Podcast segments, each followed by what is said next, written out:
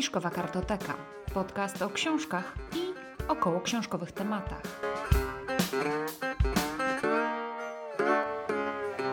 Dzień dobry, ja się nazywam Monika, a Ty słuchasz podcastu Fiszkowa Kartoteka. W dzisiejszym odcinku chciałabym podsumować mijający rok, podsumować pod kątem książkowym, ale także wspomnieć troszkę o serialu Wiedźmin. I ten odcinek jest odrobinę wyjątkowy. Odrobinę, ponieważ po pierwsze jest to podsumowanie roku, więc będę mówiła o różnych książkach, a po drugie nie będę mówiła sama, ponieważ gościem tego odcinka jest mój mąż Paweł. Cześć Paweł. Cześć. E, Paweł jest gospodarzem, autorem podcastu Nilo, do którego także Was zapraszam. W tamtym podcaście rozmawia on z bardzo ciekawymi ludźmi, z ciekawymi gośćmi. Natomiast w tym odcinku podcastu to on jest moim gościem. I tak jak w ubiegłym roku podsumowaliśmy rok 2018, w tym roku chcielibyśmy podsumować rok mijający 2019. Paweł, jak Ci minął rok 2019? Dziękuję, rok minął bardzo dobrze. A czy mówimy cały czas o literaturze, czy o życiu? O wszystkim, o życiu też. Minął bardzo dobrze, e, dziękuję bardzo. Jestem też, uprzedzam z góry, troszeczkę lepiej przygotowany niż w roku ubiegłym. No to bardzo dobrze. Ja też sobie troszkę notatek porobiłam. Chciałabym przede wszystkim podsumować rok pod kątem książkowym. A więc może tak ogólnie zacznijmy. Jak w ogóle jesteś zadowolony z książek, które w tym roku przeczytałeś? Bo Y, wiem, że jesteś. Jestem i puchnę, puchnę z, nawet nie tyle z dumy, bo to nie moja zasługa, ale z zadowolenia. Bo mój udział był tylko taki, że wy- wybra, wybrałem te tytuły.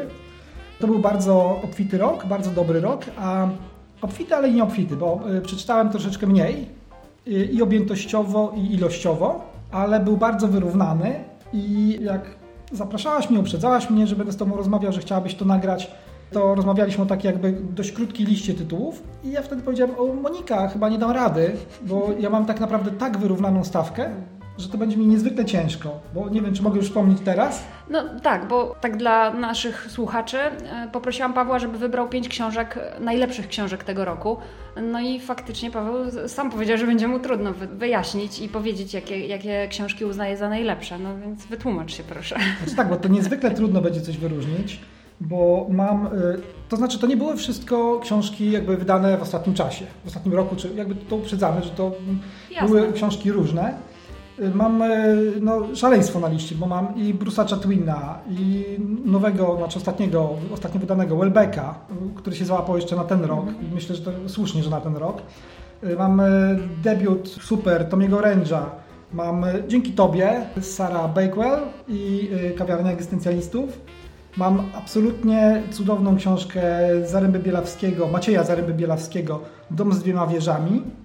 Mam też y, Płuczki y, Pawła Piotra Leszki, książka też przeczytana pod koniec roku, ale obok której no nie można absolutnie przejść obojętnie i y, pozycja bardzo godna polecenia. Mam wreszcie Axela Sandemozego, jego uciekiniera, który przecina swój ślad i no, teraz najświeższa, ukończona przeze mnie, to W stronę słona, w, czyli cykl prustowski, pierwszy tom, w nowym, co warto podkreślić, przekładzie Krystyny Rydowskiej. Nie liczyłam, ale wydaje mi się, że tam jest więcej niż pięć książek. No, no to faktycznie bardzo dobre nazwiska, bardzo dobre tytuły. W wielu miejscach też sugerowane, bardzo dobrze re- recenzowane, miały bardzo dobre opinie. Nam się pokrywają, jeśli dobrze kojarzę, tylko dwa tytuły, bo ja też przeczytałam e, Pawła Piotra Reszkę Płuczki i przeczytałam Bruce'a Chatwina, który jest też na mojej liście takiej top 5, bo ja sobie zrobiłam i udało mi się pięć najlepszych książek tego roku wylistować, że tak powiem. I jest to właśnie Bruce Chatwin Songlines. Jest to książka, do której na pewno wrócę. Nie wiem, czy ty masz też na tej swojej liście takie książki, do których chciałbyś wrócić, czy raczej to są takie książki jednorazowe?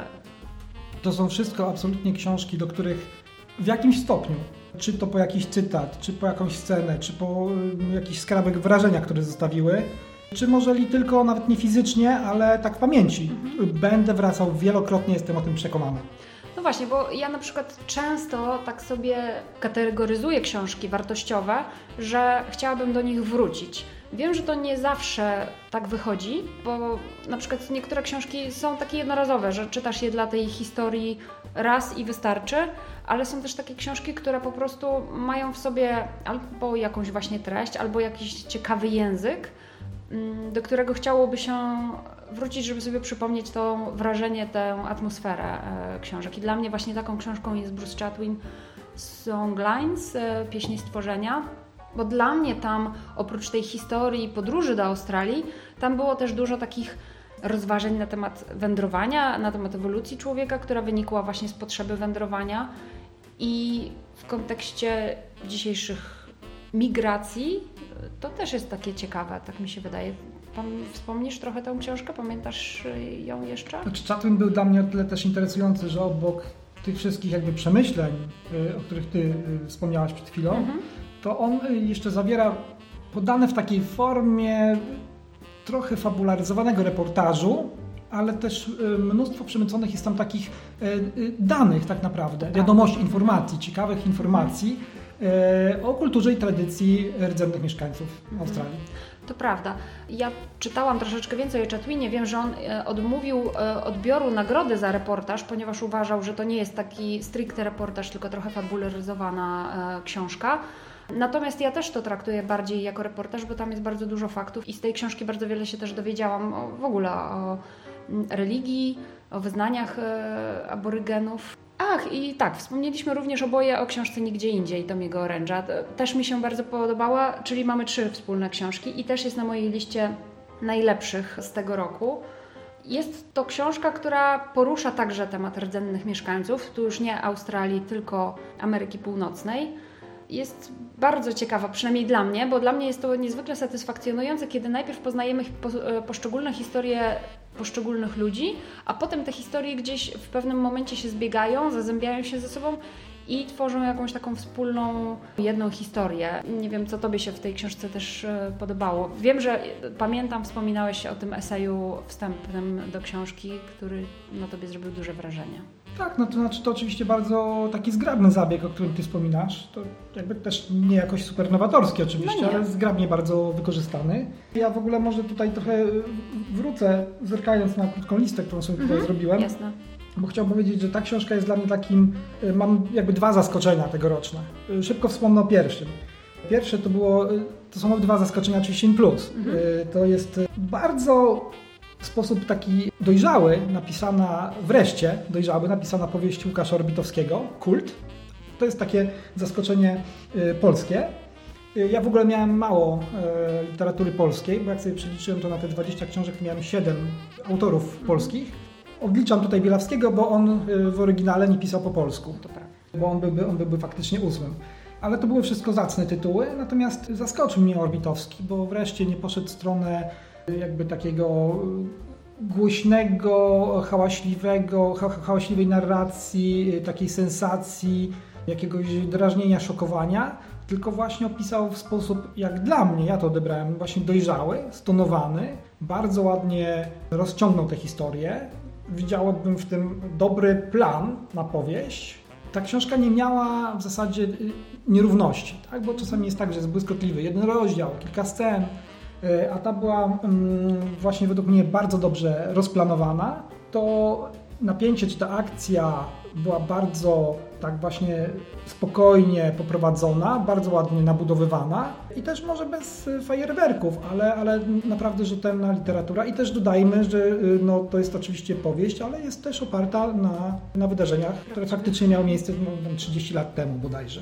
No ja tej książki nie czytałam, więc bardzo jestem ciekawa jej. Ja faktycznie czytałam Tracę ciepło Łukasza Orbitowskiego i to chyba też w tym roku. I masz rację, jest ta proza nierówna, przynajmniej tej książce Tracę ciepło, więc czekam na to, na tę książkę Kult, bo chętnie ją przeczytam. A to drugie zaskoczenie. No i właśnie tutaj chciałbym aha, wrócić aha. do Tomiego Rędzia, od którego wyszliśmy. Absolutnie jest to y, zaskoczenie, no, to debiut, więc w tym sensie zaskoczenie. No tak. I też zaskoczenie jakby jakością tego debiutu, bo to jest naprawdę napisane jak po dobrej szkole literatury, gdzie w Stanach faktycznie przecież ilość tych i studiów, i kursów y, pisania jest, no to jest zupełnie inny rynek niż u nas. To tutaj naprawdę mamy do czynienia z, no, z talentem, z talentem. Ewidentnie, ewidentnie no, powieść debiutancka i też ciekawie napisana, bo i powieść, ale jednocześnie w zasadzie zbiorek opowiadań. To też jest takie, że ta ta gatunkowość tutaj się, to się gdzieś przenika. No tak, plus jeszcze właśnie ten esej, a nawet kilka, ja bym powiedziała, tam przynajmniej są dwa takie eseistyczne fragmenty. Tak, i właśnie przez tą różnorodność form to też jest wartość dodana tej książki. I, i, I to też dzięki, też przez to jest warta polecenia, bo tam właśnie mamy do czynienia nie tylko z jedną, li, tylko formą literacką. Także tak, no już nie będę, się, nie będę się tu skupiał. Ja faktycznie wyróżniłem gdzieś tam ten pierwszy esej wprowadzający, bo to było według mnie, no, to było muśnięcie wielkiej literatury. Później to była bardzo dobra powieść, no ale gdzieś już może aż takiego polotu mi zabrakło. Mhm. Tyle.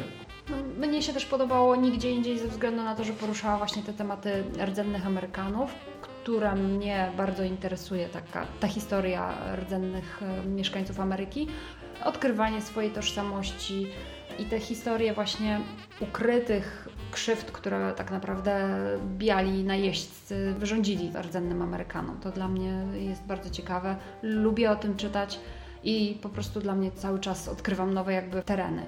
Podobny temat porusza książka, którą także wyróżniłam, to jest 27 śmierci Tobiego Obeda pani Joanny Giera-Konoszko z wydawnictwa Dowody na istnienie.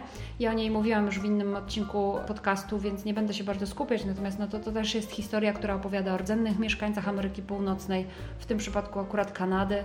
Nie jest to powieść, tylko reportaż, więc zupełnie inna książka niż nigdzie indziej, jednak zahacza o te same tematy, więc wiem, że Ty jeszcze tej książki nie czytałeś, ale, ale polecam. No tak, ale też czytałeś, Paweł, właśnie klasykę literatury, czyli Prusta w poszukiwaniu straconego czasu. Jadłeś też przy tym magdalenki. Jak się bawiłeś przy tej powieści? Magdalenki przepyszne.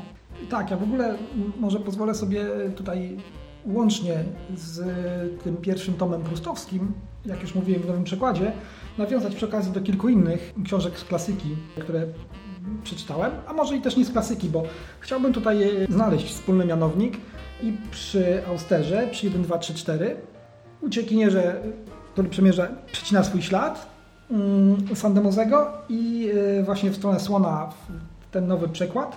Oraz y, może troszeczkę tak spoza wielkiej literatury, bo to nie jest klasyka, Dom z dwiema wieżami Zaręby Bielawskiego, bo wszystkie te mm, no, książki, bo niekoniecznie powieści, znalazłem u nich taki, dla nich taki wspólny mianownik, że one traktowały o czymś takim jako o umyśle i pamięci jako takiej specyficznej, no można powiedzieć takim pojęciu czasu przestrzeni i także o, mógłbym to porównać do, do, do fizyki, czy kwantowej, czy najnowszej, o, o teoriach, nie wiem, wieloświatów, wszechświatów równoległych, też o takich możliwych scenariuszach naszego życia. One wszystkie gdzieś to miały, łącznie z Zarem Bielawskim, który wracając niczym Prust z, jakichś e, szczegółów, drobiazgów, odnosząc się do swojej przeszłości, do wspomnień, też jakby budował obraz e, taki bardzo intymny i subiektywny tego świata i przyznawał się co do tego. Jednocześnie jednak była to dla niego taka kieszeń czasoprzestrzenna, w którą się ślizgiwał i będąc już teraz w zaawansowanym wieku, powracał do tych lat młodości i, i też stawiał to pytanie, że co potoczyłoby się inaczej, gdyby wybrał inną drogę, gdyby coś się stało w inny sposób i to absolutnie wszystkie te książki miały, taki, miały, taką, miały taką wspólną cechę i to było w nich piękne. I tutaj pozwolę, bo ponieważ tak y, zaczęłaś i spytałaś mnie w sumie o, o, y, o stronę Słana, to chciałbym powiedzieć, że ten przekład, to warto podkreślić, że to jest nowy przekład. Ja też to w recenzji Goodreadsowej podkreśliłem, że warto sięgać po nowe przekłady, nie trzymajmy się tylko tej utartej, uznanej za klasykę, znanej nam wersji, konfrontujmy je, bo też o to chodzi w literaturze. Tak, to też e, jak czytałam Twoją recenzję właśnie na Goodreads, to też zwróciłam uwagę na to, że napisałeś o tym, że sam Boy w przedmowie do tej książki napisał, że on upraszczał e, zdania, upraszczał tą skomplikowaną frazę Prusta, bo uznał, że ona jest zbyt trudna dla czytelnika, co mnie zaskoczyło, bo ja o tym nie wiedziałam. Albo była zbyt trudna dla tłumacza. Albo dla tłumacza. I troszeczkę sobie tutaj pozwolił tak zareklamować, że niby robi to dla dobra czytelnika. No, może w ten sposób. Chociaż akurat mam dosyć wysokie mniemanie o boju żeleńskim, więc myślę, że może to było po prostu według niego trudne dla jednak czytelnika, a nie dla niego. I, i dlatego polecam i przedmowę, i posłowie, gdzie mm, obecna tłumaczka Krystyna Rodowska trochę się konfrontuje z tą wersją Boja i też objaśnia, dlaczego warto, niekoniecznie po jej, ale dlaczego warto konfrontować różne wersje i y, no, wytyka sporą ilość przeinaczeń, nadmiernych uproszczeń i nawet niezrozumienia szerszego kontekstu uboja. To bardzo ciekawe akurat. Co ciekawe też, na mojej liście pięciu najlepszych książek tego roku, które przeczytałam w tym roku, jest rzeźnia numer 5 Kurta Foneguta. I ta książka też w pewien, w pewien sposób zahacza o temat, o którym Ty mówisz, czyli o pamięci, o tym, jak się pewne wydarzenia pamięta, jak się do nich wraca z teraźniejszości w pamięci do, do, do czasów przeszłych. Bo to jest książka o wojnie, o, o bombardowaniu Drezna i poznajemy tę historię tak naprawdę już z perspektywy starego człowieka, który wspomina te wydarzenia i on przeskakuje w czasie i w przestrzeni też jakby za pomocą pewnego eksperymentu, który wykonali na nim obcy. Brzmi bardzo abstrakcyjnie, natomiast to wszystko jest mocno spójne, ale także właśnie zahacza o tę tematykę pamięci, pamiętania, wspominania i też w pewien sposób starości. Jest to historia, która jednak też odgrywa tutaj ważną rolę w tej, w tej powieści. Więc tak, rzeźnie numer 5 Kurta Foneguta też polecam i też będę raczej do niej wracać, bo to jest książka, która jest też napisana świetnym językiem. Na mojej liście pięciu książek jest jeszcze Instynkt sztuki, Piękno, zachwyt i ewolucja człowieka Denisa Datona, która nie jest powieścią, która nie jest chyba też reportażem, jest to taki zbiór esejów, tak bym to nazwała, na temat sztuki właśnie. Denis Datton jest filozofem sztuki, tak bym go nazwała i on chyba też tak jest opisany e, na tyle książki, jeśli się nie mylę. I sam chyba siebie też tak tytułował. Jest to książka z wydawnictwa Copernicus Center Press. Sama ta książka, Instynkt Sztuki, e, jest bardzo takim interesującym spojrzeniem na sztukę z dystansu. Ja bym to nazwała trochę z lotu ptaka, bo dowiadujemy się w ogóle o ewolucji sztuki, jak to się stało, że według właśnie tego filozofa sztuki, według Denisa Datona, jak to się stało, że polubiliśmy sztukę i czy naprawdę mamy coś takiego w sobie jak instynkt sztuki, czy mamy taką potrzebę tworzenia i podziwiania wytworów ludzkiej ręki. No on oczywiście stawia tezę, że tak, że mamy coś w sobie takiego, co nam każe, zmusza nas i, i, i czujemy taką potrzebę właśnie. Plus dodatkowo jest też opis wielu aspektów sztuki i malarstwa i literatury, bardzo ciekawa pozycja, bardzo też ciekawy jeden rozdział, który pozwala nam odróżnić sztukę od czegoś, co nie jest sztuką. Bardzo fajna, bardzo ciekawa książka, bardzo przystępnym językiem też napisana. Nie jest to coś takiego, z czym trudno będzie się zmierzyć komukolwiek, tak mi się wydaje. Bardzo dziękuję za to podsumowanie fajnych książek, a powiedz mi, co Cię rozczarowało na przykład na minus? Czy było cokolwiek takiego książkowego, co sprawiło Ci jakiś zawód? Widzisz, dobrze, że przypomniałaś mi, bo faktycznie miałem tutaj, y, no tak delikatnie, to takie i rozczarowanie, i nierozczarowanie. Wynotowałem sobie jedną pozycję mhm. i też taka w sumie poniekąd debiut, bo mm, jest, chodzi mi o książkę Łaskoci Konrada Oprzędka. I pan Konrad Oprzędek, ja traktowałem tą książkę i sięgałem, sięgałem po nią przekonany, że to jest debiut. Okazało się, że on już ma doświadczenie pisarskie, tylko chyba właśnie bardziej y, reportażowe, dokumentalistyczne, ale już coś wydał. I to jest rozczarowanie, ale paradoksalnie nie dlatego, że ta książka jest zła. To tylko i wyłącznie sprawiło to, że według mnie, według mojej subiektywnej oceny, ta reszta była znacznie, znacznie lepsza i on troszeczkę został z tyłu. Ale to nie jest bynajmniej y, zła, to też jest taki trochę powieść, trochę zbiór opowiadań, chyba bardziej zbiór opowiadań jednak, chociaż to wszystko się jakby y, toczy w jednym y, uniwersum y, małej miejscowości. Właściwie chyba tyle, nie będę może już rozwijał bardziej. No ja właśnie tak się zastanawiam i zerkam na nasze książki, jaka książka była moim rozczarowaniem.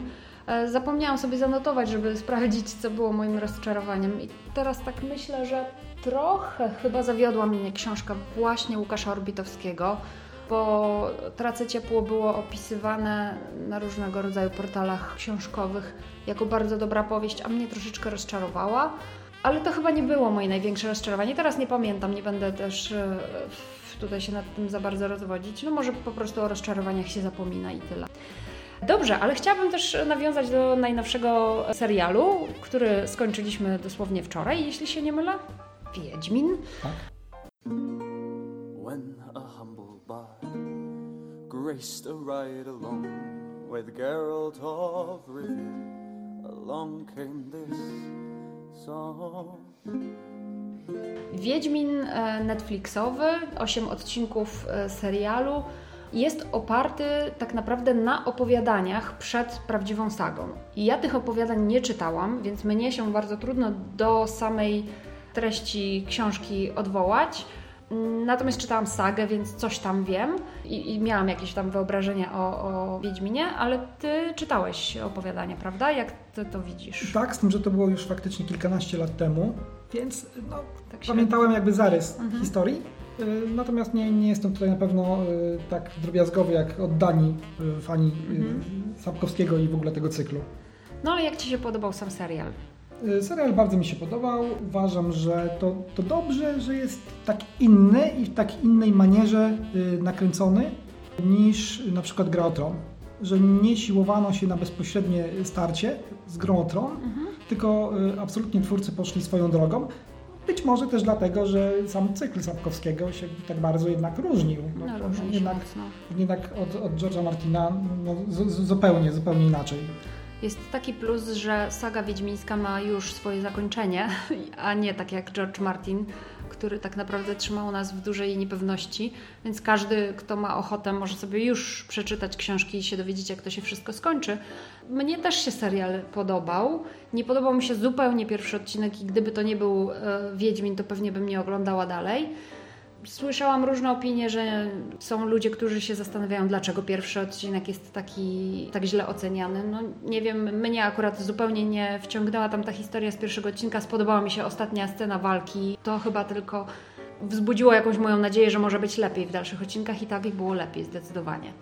Według mnie fajnie było nakręcone tutaj sceny walki, bardzo tak zgrabnie i, i, i dynamicznie.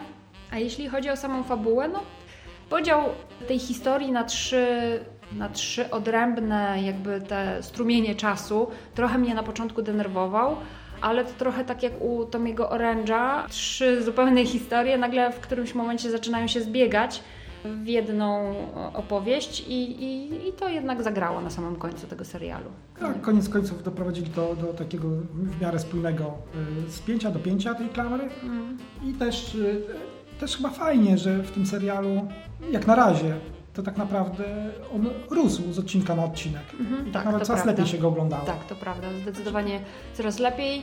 Zdecydowanie mam bardzo duży niedosyt, że to już się skończyło i że nie mogę w tym momencie obejrzeć dalszego odcinka, żeby zobaczyć, co tam dalej. Zakończyła się historia na tym, że się, tu spoiler, uwaga, e, Wiedźmin wreszcie spotkał Ciri czekam na dalszy ciąg tak naprawdę. Chyba już wejdziemy w sagę, prawda? W następnych e, odcinkach, czy to jeszcze będą opowiadania? Wiesz coś na ten temat? Nie czytałem szczegółów, natomiast wiem, że y, oni tutaj już wprowadzali jakieś wątki. Ja właśnie nie umiałem tego wychwycić, tak? Ale że mhm. wprowadzano coś już z sagi, coś, y, mhm. coś już tutaj bardziej, nawet więcej niż sygnalizowano. Także tak, chyba, chyba tak. Wszystko na to wskazuje, że no, też będzie saga. Też historia Ciri tak naprawdę ten, jakby ta ścieżka czasowa jest już z sagi, no bo, bo no tak. to wiem na 100%, no więc faktycznie trochę to też było tutaj przemieszane. Przygody Wiedźmina tu były y, oparte na opowiadaniach, to na 100%. Ja się trochę bałam samego Henry'ego Cavilla w postaci Wiedźmina, bo nie do końca on mi tam pasował. Ale ostatecznie w tym serialu jakoś się przyzwyczaiłam. Nie przeszkadza mi ani jego dziurka w brodzie, ani to, że jest taki napompowany. Chociaż, chociaż może mógłby być trochę szczuplejszy. A jak Tobie się podobały postaci w ogóle? Czy były fajnie, nie wiem, nie, nie tyle odegrane, czyli raczej czy casting był dobry? Bardzo dobry. Ja staram się też nie narzekać, tylko poczekać na to, co wyniknie z tych wyborów. Mhm. Te wybory nie były przypadkowe to jest wypadkowa wielu składników, też od tego, żeby, żeby zbudować może tę obsadę z takim przynajmniej jednym mocnym nazwiskiem, które przyciągnie, które też posłuży promocji. Generalnie nie mam zastrzeżeń.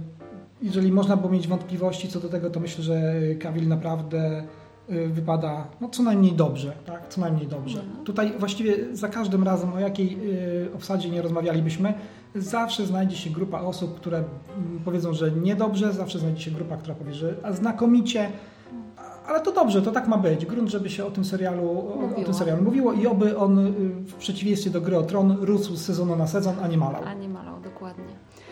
Dobrze, bardzo Ci dziękuję Paweł za to podsumowanie roku. Bardzo dziękuję za zaproszenie. Życzę Ci dobrego roku 2020 pod względem książkowym, jak i pod względem gości w Twoim podcaście Nilo. Bardzo, bardzo dziękuję. Życzę Ci co najmniej tego samego razy, razy dwa. dziękuję Ci bardzo. Bardzo dziękuję Wam za wysłuchanie tego odcinka do samego końca. Zapraszam Was na mój profil facebookowy i instagramowy, gdzie znajdziecie mnie jako Fiszkowa Kartoteka. Zapraszam Was na podcast Pawła. Podcast nazywa się Nilo, N-I-L-O. E, znajdziecie go na wszystkich aplikacjach do słuchania podcastów. Tymczasem do usłyszenia. Cześć. Bardzo, bardzo dziękuję. Cześć. Tymczasem życzę Wam wszystkiego dobrego w 2020 roku. Życzę Wam wielu wspaniałych książek do przeczytania, fantastycznej literatury, ale i wspaniałych i przyjemnych wydarzeń w tym roku. Również sukcesów i zawodowych, i prywatnych. Niech Wam się dobrze darzy. I ode mnie, i od Pawła. Cześć.